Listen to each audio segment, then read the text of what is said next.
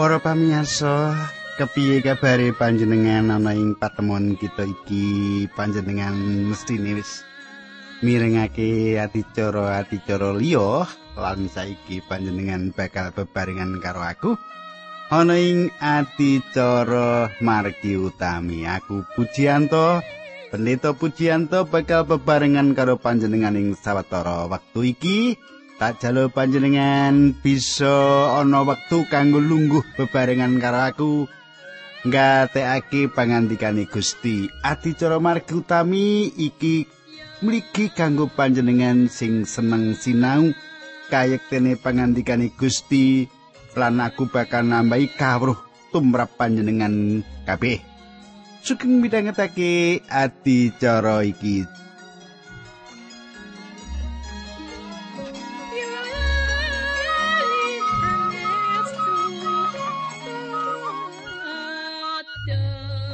Kadangku apa panjenengan isi kelingan apa sing ndaturake kepungkur kae? Mesine panjenengan isi kelingan ya lan becik menawa tak aturake setitik wae supaya ngilingake apa-apa sing wis tak aturake kepungkur. Ora bakal aku bisa mbeleni maneh kaya dek wingi awit wektune ora cukup nek aku mbeleni apa sing wis ndak aturake kabeh nalika aku sowan panjenengan kae. Kadangku ing patemon kita kepungkur kita wis tekan perangan ing ngendi para rasul netepake Matias minangka gantine Yudas. Isi kelingan iku kadangku nalika semono para rasul netepake Matias minangka gantine Yudas kanthi cara diundi.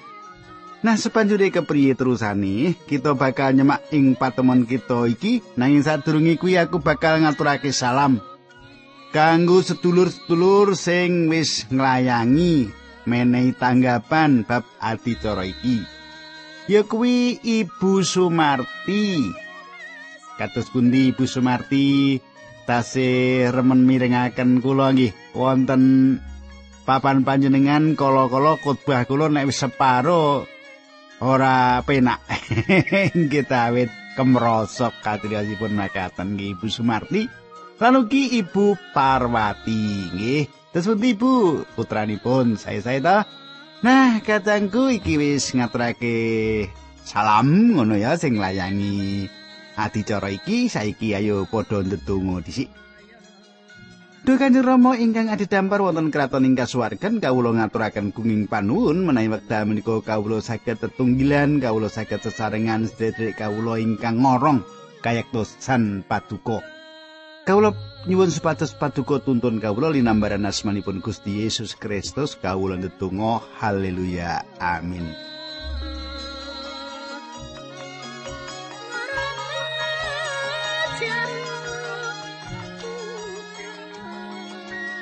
Kadangku saiki pasinaon kita wis ngancik kitab para rasul bab loro ya.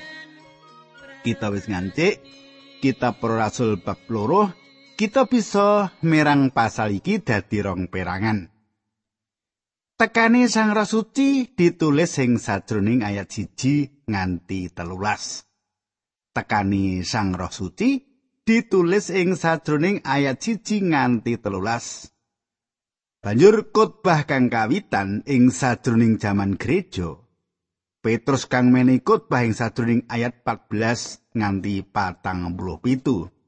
Dadi sing angka siji tekani sang resuci ditulis sing sadroning ayat siji lan telulas banjur khotbah kang kawitan ing jaman gereja. Ing nalika semono Petrus kang menehi khotbah ya kuwi ayat 14 nganti patang puluh pitu. Saiki tak wacake wiwit ayat siji. Ing dina riyaya Pentakosta nalika wong percaya kabeh padha nglumpuk teko kene dhisik. Saiki piye iki? Katangku tembung ing bisa dicarwake diganepi. Nalika dina Pentakosta wis tekan wong-wong lumpuk ing sawijining papan. Pentakosta kelakone nganti seket dina sawise dina riyaya hasil panen kang kawitan. Panjenengan bisa uga eling ing sajroning pangerten kita ing sajroning kitab kaimaman yen kita nemokake dina riyaya hasil panen kang kawitan meratelake gegayutan wungune Gusti Yesus Kristus saka sedo. Pangerten kita ing sadroning kitab kaimaman yen kita nemokake dina riyaya hasil panen kang kawitan kuwi meratelake gegayutan wungune Gusti Yesus Kristus saka sedo. Sang Kristus yaiku woh kang pambarep utawa woh kang kawitan. Siji-sijine ditangekake manut gilirani. Dhisik dhewe Sang Kristus banjur wong-wong sing dadi kagungane ya kuwi besok samangsa panjenengane rawuh maneh. Panjenengan bisa maca ing siji Korinta 15 ayat 23. Dino Paskah meratelake bab sedane Gusti Yesus Kristus. Kita sinau saka siji Korinta bab 5 ayat 7b Sang Kristus tempene Paskah wis kasembelih. Awit dina Paskah wis diganepi ing sajroning sedane Sang Kristus lan dina riyaya hasil panen kang kawitan wis diganepi ing sajroning wungune Sang Kristus. Kita pracaya yen dina riyaya Pentakosta nggambarake sawijining prakara. Pangganepane yaiku laire gereja nalika gereja ngatonake kaanani. Kadangku nalika dina Pentakosta wis diganepi utawa wis tekan titi wancine ateges wiwit-wiwitan. Dina Pentakosta meratelake bab tekane Sang Roh Suci ing sajroning pelayanan mligi nimbali umat metu saka jagat iki supaya mbangun badan Sang Kristus yaiku gereja. Limang menit sadurunge Sang Roh Suci rawuh utawa teka, Ing dina Pentakosta durung ana gereja. Limang menit sadurunge Sang Roh Suci nekani ing dina Pentakosta durung ana gereja. Limang menit sawise Sang Roh Suci teka ing dina Pentakosta gereja lair. Nah, kan ditembung liya, Bethlehem yaiku papan kelahirane Sang Kristus. Bethlehem iku papan kelahirane Sang Kristus. Menawa Yerusalem ing dina Pentakosta sawijining wektu tekane Sang Roh Suci. Sang Roh Suci manjalmo. Panjenengane wiwit mbaptisi wong-wong percaya kang ateges yen Sang Roh Suci madake rupa wong-wong karo Sang Kristus minangka badan kagungane ing kene ing bumi. Dadi Sang Roh Suci kuwi madake rupa ya lho ngemperake wong-wong karo Sang Kristus minangka badan kagungane ing kene ing bumi. Coba panjenengan semak siji Korinta rolas ayat terulas. Semono uga kita kabeh apa wong Yahudi? Apa wong kafir, apa batur tukon, apa wong merdeka, kita wis padha kabaptis dadi badan siji lan wis diombeni saka Roh Suci. Siji Korinta rolas ayat terulas. Kadangku Sang Rasuti wiwit nindakake sawijining pelayanan ing dina Pentakosta. Dina Pentakosta diganepi ing dina iku. Nalika dina Pentakosta wis titi mangsane, ora tekes perkara kuwi dumadi jam rolas awan utawa jam pitu esuk utawa jam loro sore. Prakara kuwi ateges yen dina Pentakosta kang dirayakake bangsa Israel nganti pirang-pirang turunan diganepi ngono lho ya. Nah, saiki ayat loro. Para rasul loro ayat loro dumadakan ana swara saka ing langit kaya gumrubuking angin gedhe. Swara mau ngebaki omah sing dinggo kumpulan. Katenggu, kepiye iki? Ayat iki ya. Nalika Sang Roh Suci ngrawuhi utawa nekani, Sang Roh Suci kuwi ora katon. Nanging Sang Roh Suci anggone nekani bisa dimangerteni lumantar rong cara. Yaiku lumantar talingan lan mripat. Kita krungu lan ndeleng. Sang Rasuti nggunakake loro cara iku, lumantar talingan, wong-wong mau krungu sawijining swara saka kasuwargan kang keprungu kaya gumrubuking angin. Gedhe, angin gedhe. Swara iku ngebaki omah kang kanggo lungguhan. Panjenengan gatekake swara iku dudu swara angin. Swara kuwi keprungune kaya angin. Suarane gumrubuk gedhe, ya iku suarane. Swara kaya iku kang dirungu ing dina Pentakosta. Ayat telu. Wong-wong mau nuli padha weruh rerupan kaya uruping geni latilatan mencok ing saben wong sing ana ing kono. Ayat iku mengkono nini. Sebanjure katangku aku kepengin nderekake panjenengan ngatekake apa kang dipratelakake geni latilatan. Geni ilat-ilatan kuwi mencok ing saben wong. Lelakon iki sawijining perkara nang semake lumantar lawang mripat, lumantar mripat kita. Dadi ing dina Pentakosta, nalika Sang Roh Suci ngrawuhi gereja, mbaptis wong-wong ing sajrone badane Sang Kristus. Ana sawijining perkara kang nang semake ing talingan lan nang semake ing mripat. Lelakon iki aja nganti bingung karo apa kang disebut baptisan geni kadangku. Tau krungu panjenengan nang gereja ya ana abdi Gusti sing ngendikake baptisan geni. Baptisan geni iki sawijining paukuman kang bakal teko. Ing sajroning kitab Wahyu kita nemokake laknat Allah dipratelake saka kasuwargan. Yaiku baptisan geni. menawa manungsa ora gelem nampa baptisan Sang Roh Suci, mula wong-wong mau bakal nampa baptisan geni yaiku paukuman. Baptisan geni kanggo wong-wong kang nolak Sang Kristus. Geni yaiku paukuman. Geni ngobong. Nang iki turung dumati. Nalika Sang Roh Suci tumedhak ing dina Pentakosta, wong-wong nyawang kaya ana geni kang muncul, kang kat Saiki tak terus ke ayat papat. Wong kabeh mau nuli padha kapenuaning Roh Suci sarta banjur padha wiwit guneman nganggo basa sing beda-beda manut apa sing dikersakake dening Sang Roh Suci. Kadangku ayat iki meratelake yen wong-wong kapenuan Sang Roh Suci.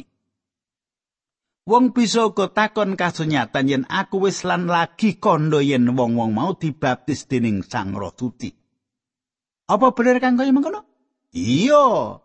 Gusti Yesus ngendika marang wong-wong mau yen wong-wong mau bakal nglakoni prakara mau. Kasunyatan yen wong-wong mau wis kapenuan Sang Roh Suci nuduhake yen kabeh pelayanan liya saka Sang Roh Suci marang wong pracaya ing jaman iku wis dilaksanani. Kadangku pelayanan-pelayanan iki lelati-lelati iki dumati kanthi urutan mengkene. Kawitan wong-wong bakal ngalami kelahiran anyar nek basa kono regenerasi. Wong kudu dilairake meneh. Pangandikane Gusti Yesus menawa wong ora dilairake saka banyu lan saka roh Allah, wong mokal bisa ngalami kratone Gusti Allah. Yohanes 3 ayat 5. Kaping loro, wong-wong mau bakal katedaan Sang Roh Suci, nanging kowe wis ora manut pangreng daging awit manut pangreng roh. Semono mau yen roe Gusti Allah dedalem ana ing kowe temenan. Sapa sing ora nduweni roe Sang Kristus ana ing uripe, wong kuwi dudu kagungane Sang Kristus. Rom 8 ayat 9. Kaping telu, wong-wong mau bakal dicap dening Sang Roh Suci ing sajroning kegayutan kang langgeng karo Gusti Allah. Wong-wong mau bakal dicap dening Sang Roh Suci. Coba pangandikane Gusti iki panjenengan semak. Mengkono uga kowe nalika kowe padha krungu pawarto sing saknyatani ya kuwi bab Injiling keselamatan kowe padha percaya marang Sang Kristus. Gusti Allah banjur maringake cap ana ing kowe sing mertandani yen kowe kuwi dadi kagungani ya kuwi srana maringake Sang Roh Suci marang kowe cocok karo janjine Sang Roh Suci kuwi diparingake minangka jaminan yen kita bakal nampani apa sing diprastiyake dening Gusti Allah marang umate sarta ya dadi tanggelan yen Gusti Allah bakal maringi kamardikan sing sampurno marang para umat kagungane mula pinuji Gusti Allah krana saka kamulyane. Efesus 1 ayat 13 nganti 14. Sang Roh Suci menehi cap marang wong pracaya nalika dina menehi keselamatan. Kita ora tau didawi supaya nampani matre Sang Roh Suci. Iku ya iku sawijining kang ditindakake Gusti Allah sawise panjenengan pracaya. Iman marang Gusti Yesus paring kita cap Sang Roh Suci nalika dina paring keselamatan. Cetok ya, kadangku ya. Jo bingung jenengan ya. Saya kita terus ke kaping papat. Wong-wong dibaptis dening Sang Roh Suci. Prakara iki diweca dening Yohanes Pembaptis, Lukas 3 ayat 16, lan dibaleni dening Gusti Yesus. Sebab Nabi Yohanes Baptis kue nganggo banyu, nanging sawetara dina meneh kue bakal padha kabaptis nganggo Roh Suci. Para Rasul siji ayat 5. Baptisan dumadi kang mapanake wong-wong ing sadrone badan wong pracaya. Prakara kuwi nandani wiwitane gereja. Wiwit wektu kuwi saben wong pracaya ing sadroning Gusti Yesus Kristus dipapanake ing sadroning badan Sang Kristus lumantar baptisan Sang Roh Suci. Kadangku saiki nalika kapenuan Sang Roh Suci dumadi ing dina Pentakosta, Prakara kuwi nuduhake papat lelati utawa pelayan liya saka Sang Roh Suci wis dileksanani.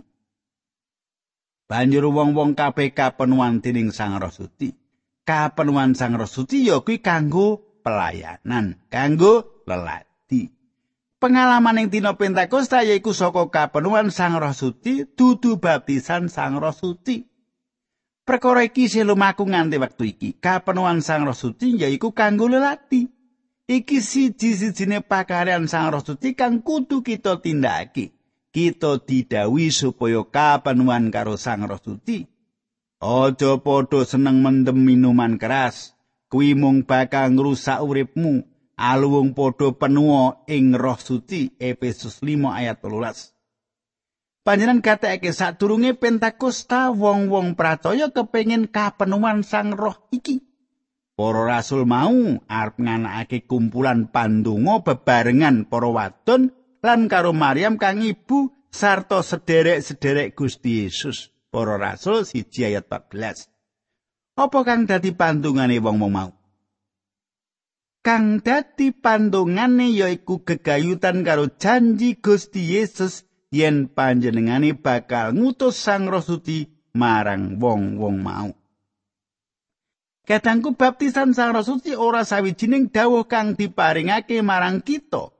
Iku dudu sawijining pengalaman. Iku sawijining pakaryan kang ditindakake dening Gusti Allah ing ngendi wong kang pracaya marang Gusti Yesus Kristus ditedhaki dening Sang Roh Allah dicap ing dina keselamatan lan dipapanake ing sajroning gereja badan Sang Kristus lumantar baptisan roh. kapenuhan Sang Roh Allah dadi jalaran kita kaparingan kahabisan kanggo lelati. Kita didawi supaya kapenuhan karo Sang Roh. Sawise wong-wong mau kapenuhan dening Sang Roh Suci, wong-wong mau sarta banjur padha wiwit guneman nganggo basa sing beda-beda manut apa sing dikersake dening Sang Roh Suci. Panjenengan bisa maca ayat papat. Basa kang beda-beda iki basa kang ora dikenal. Ana basa akeh kang digunakake dening wong Yahudi ing kerajaan Rom. Wong-wong kang ibadah iki teka saka ngendi-endi papan kang beda-beda ing wilayah kerajaan Rom nekani dina riyaya Pentakosta. Eling. Kabeh wong lanang Yahudi kudu teka ing Yerusalem ngrayakake riyaya suwene telung dina. wong-wong ana ing Yerusalem awet saka riyaya kuwi lan akeh wong Yahudi kang ora bisa basa Ibrani. Katengku dina Pentakosta iki ora bisa ditiru. Dina Pentakosta iki sawijining wektu kang pas ing sadurunge sejarah. Sang Roh Suci teka ing dina Pentakosta. Panjenengan ora perlu nyuwun utawa nyurung Sang Roh Suci supaya teka. Sang Roh Suci ana ing kene. Sang Roh Allah ana ing sadurunge jagat saiki. Gusti Yesus ngendika marang kita apa kang bakal ditindakake sawise Sang Roh iku teka ya kuwi Roh Allah sing nuduhake bab kersane Gusti Allah Roh mau bakal nunggal karo kowe selawase panjenengan bisa nyemak Yohanes 16 ayat 14. Katenggu kita mengerti Sang Roh ana ing kene nalika panjenengane mundhut prakara-prakara kang ditampa saka Sang Kristus lan ngatonake marang kita. Lan nalika kita lagi ngrembug prakara-prakara kang asale saka Sang Kristus, Sang Roh Allah duwe sawijining prakara kang bisa ditindakake Sang Roh mau. Kaya kang diparingake dening Sang Roh iku marang wong wong supaya dikandhake. Para rasul iki asale saka Galilea. Wong-wong mau ora bisa omong ing basa-basa iki, nanging wong-wong mau ngucapake nalika iku. Sang Roh maringi marang wong-wong mau apa kang kudu dikandhake. Ayat 5. Nalika semono ing Yerusalem ana wong-wong Yahudi, wong-wong mursid sing teka saka negara ngendi-endi ing saklumahing bumi. Mengkono surasane pangandikan kepiye iki? Wong-wong mau teka saka ing ngendi papan kanggo nekani dina riyaya Pentakosta. Ya iku kang dadi jalaran kenapa wong-wong mau ana ing Yerusalem. Saiki tak teruske ayat 6. Bareng wong-wong kuwi padha krungu swara mau nuli padha gumrutuk marani panggonan kono. Wong-wong padha gumun lan judhek marga saben wong krungu Para rasul lan murid-murid kuwi padha guneman nganggo bahasane wong-wong sing padha teka mau. Katengku Sawijining panjarwa kang luwih apik saka tembung nalika krungu swara mau yaiku nalika swara kuwi ngumandang. Panjarwa sing luwih apik nalika swara kuwi ngumandang. Awit swara iku bantere kaya angin ribut, wong-wong padha marani panggonan kuwi. Dadi ing kene wong-wong mau kumpul ing papan panggonane swara mau. Dadi ing kene kumpul ing papan swara mau bisa uga kang ana ing sakiwa tengene pedalaman suci. Ana wong 120 wong prataya ana kono. Para rasul siji 15. Wong-wong kang padha teka menyang mrana bingung awit saben wong krungu ing sajroning basa Yunani. Ing basa Yunani bentuk wektune yaiku imperfect digunakake kanthi mengkono kudune ukarane mengkene unine saben wong lagi ngrungokake. Wong-wong mau ngetokake tembung kanthi cirine dewi-dewi. Ora mung basa daerah kang diucapake wong-wong mau nanging saben wong krungu ciri basane dhewe kang diucapake dikaya basa kuwi digunakake ing sajroning daerah papan asale. Lire wong-wong iki ora lagi ngetokake tembung basa tanpa makna. Wong-wong ora ngetokake tembung ing basa kang ora dimangerteni. Wong-wong iki lagi ngetokake tembung ing sajroning dialek utawa ciri khas wong-wong kang ana ing sajroning kumpulan kuwi. Saiki ana sawijining wawasan liya kang kudu aku sebutake. Ana ahli kitab suci kang pracaya yen apa kang dikarepake ing kene yaiku yen para rasul babar pisan ora lagi ngetokake tembung ing sadurunging basa liya nanging lagi ngetokake tembung ing sadurunging dialek Galilea dhewe. Ciri tembung ing Galilea dhewe rak iku jejak kang ngebrukake wates-wates basa ing sadurunging ngetokake tembung lan ngrungokake. Saiki tak terus ayat pitu, wolu, songo, sepuluh, sebelas. Ini ya tak wacani urutan. Pajangan kata nggo basa petiran iki ya. Wong kabeh saking gumuni dadi njenger nalika padha muni apa sing padha guman kuwi dudu wong Galilea. Kepriye dene kita kok padha krungu wong kuwi guneman nganggo basa kita dewi-dewi. Kita rak wong-wong saka Partia, Media, Elam, Tanah Mesopotamia, Yudea lan Kapadokia, Pontus lan Asia. Frigia lan Familia, Mesir lan wangkone tanah Libya cedhak kirine, wong-wong monco saka negara Rum. Ya wong Yahudi asli, ya wong sing mlebu agama Yahudi, wong Kreta lan wong Arab. Kita kabeh padha krungu wong-wong kuwi guneman nganggo basa kita dewi-dewi bab luhuring pakaryane Gusti Allah. Katengku iki yaiku wong-wong saka telung benua. Mesti wae wong-wong mau ngetokake tembung ing sajroning basa lan dialek kang beda. Wong-wong dhewe-dhewe krungu wong-wong Galilea iki ngetokake tembung ing sajroning dialek kang ora bisa dimangerteni. Apa kang dikandhake para rasul iki basa kang bisa dipahami. Ngerti ya? Ayat 13. Wong mau kabeh padha kairaman lan bingung sing siji takon marang sini ge apa iki tegese. Wong-wong mau gumun bingung ngono pasti. Wong-wong ora paham apa kang lagi dumadi. Ayat telulas, apa to tegese iki? Nanging wong liyane ana kang ngece celatune wong iku rak padha mendem anggur manis. Katengku, dijarwakake secara harapiah yaiku anggur manis lan aku ngerti yen kedadian iki rada bingungake wong-wong mau duwe pikiran yen wong-wong iki lagi mendem. Eling ing Efesus 5 ayat 12 Paulus nulis aja padha seneng mendem minuman keras. Kuwi mung bakal ngrusak uripmu, alu wong padha penuwa ing roh suci. Kadangku apa tau panjenengan ngatakake yen wong kang mendem katone luwih kuat secara badani?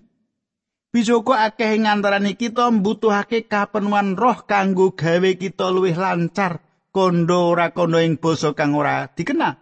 Nanging pangwasa kanggo nglantarake Injil marang wong liya yaiku jinis ganjaran ilat kang kita butuhake saiki.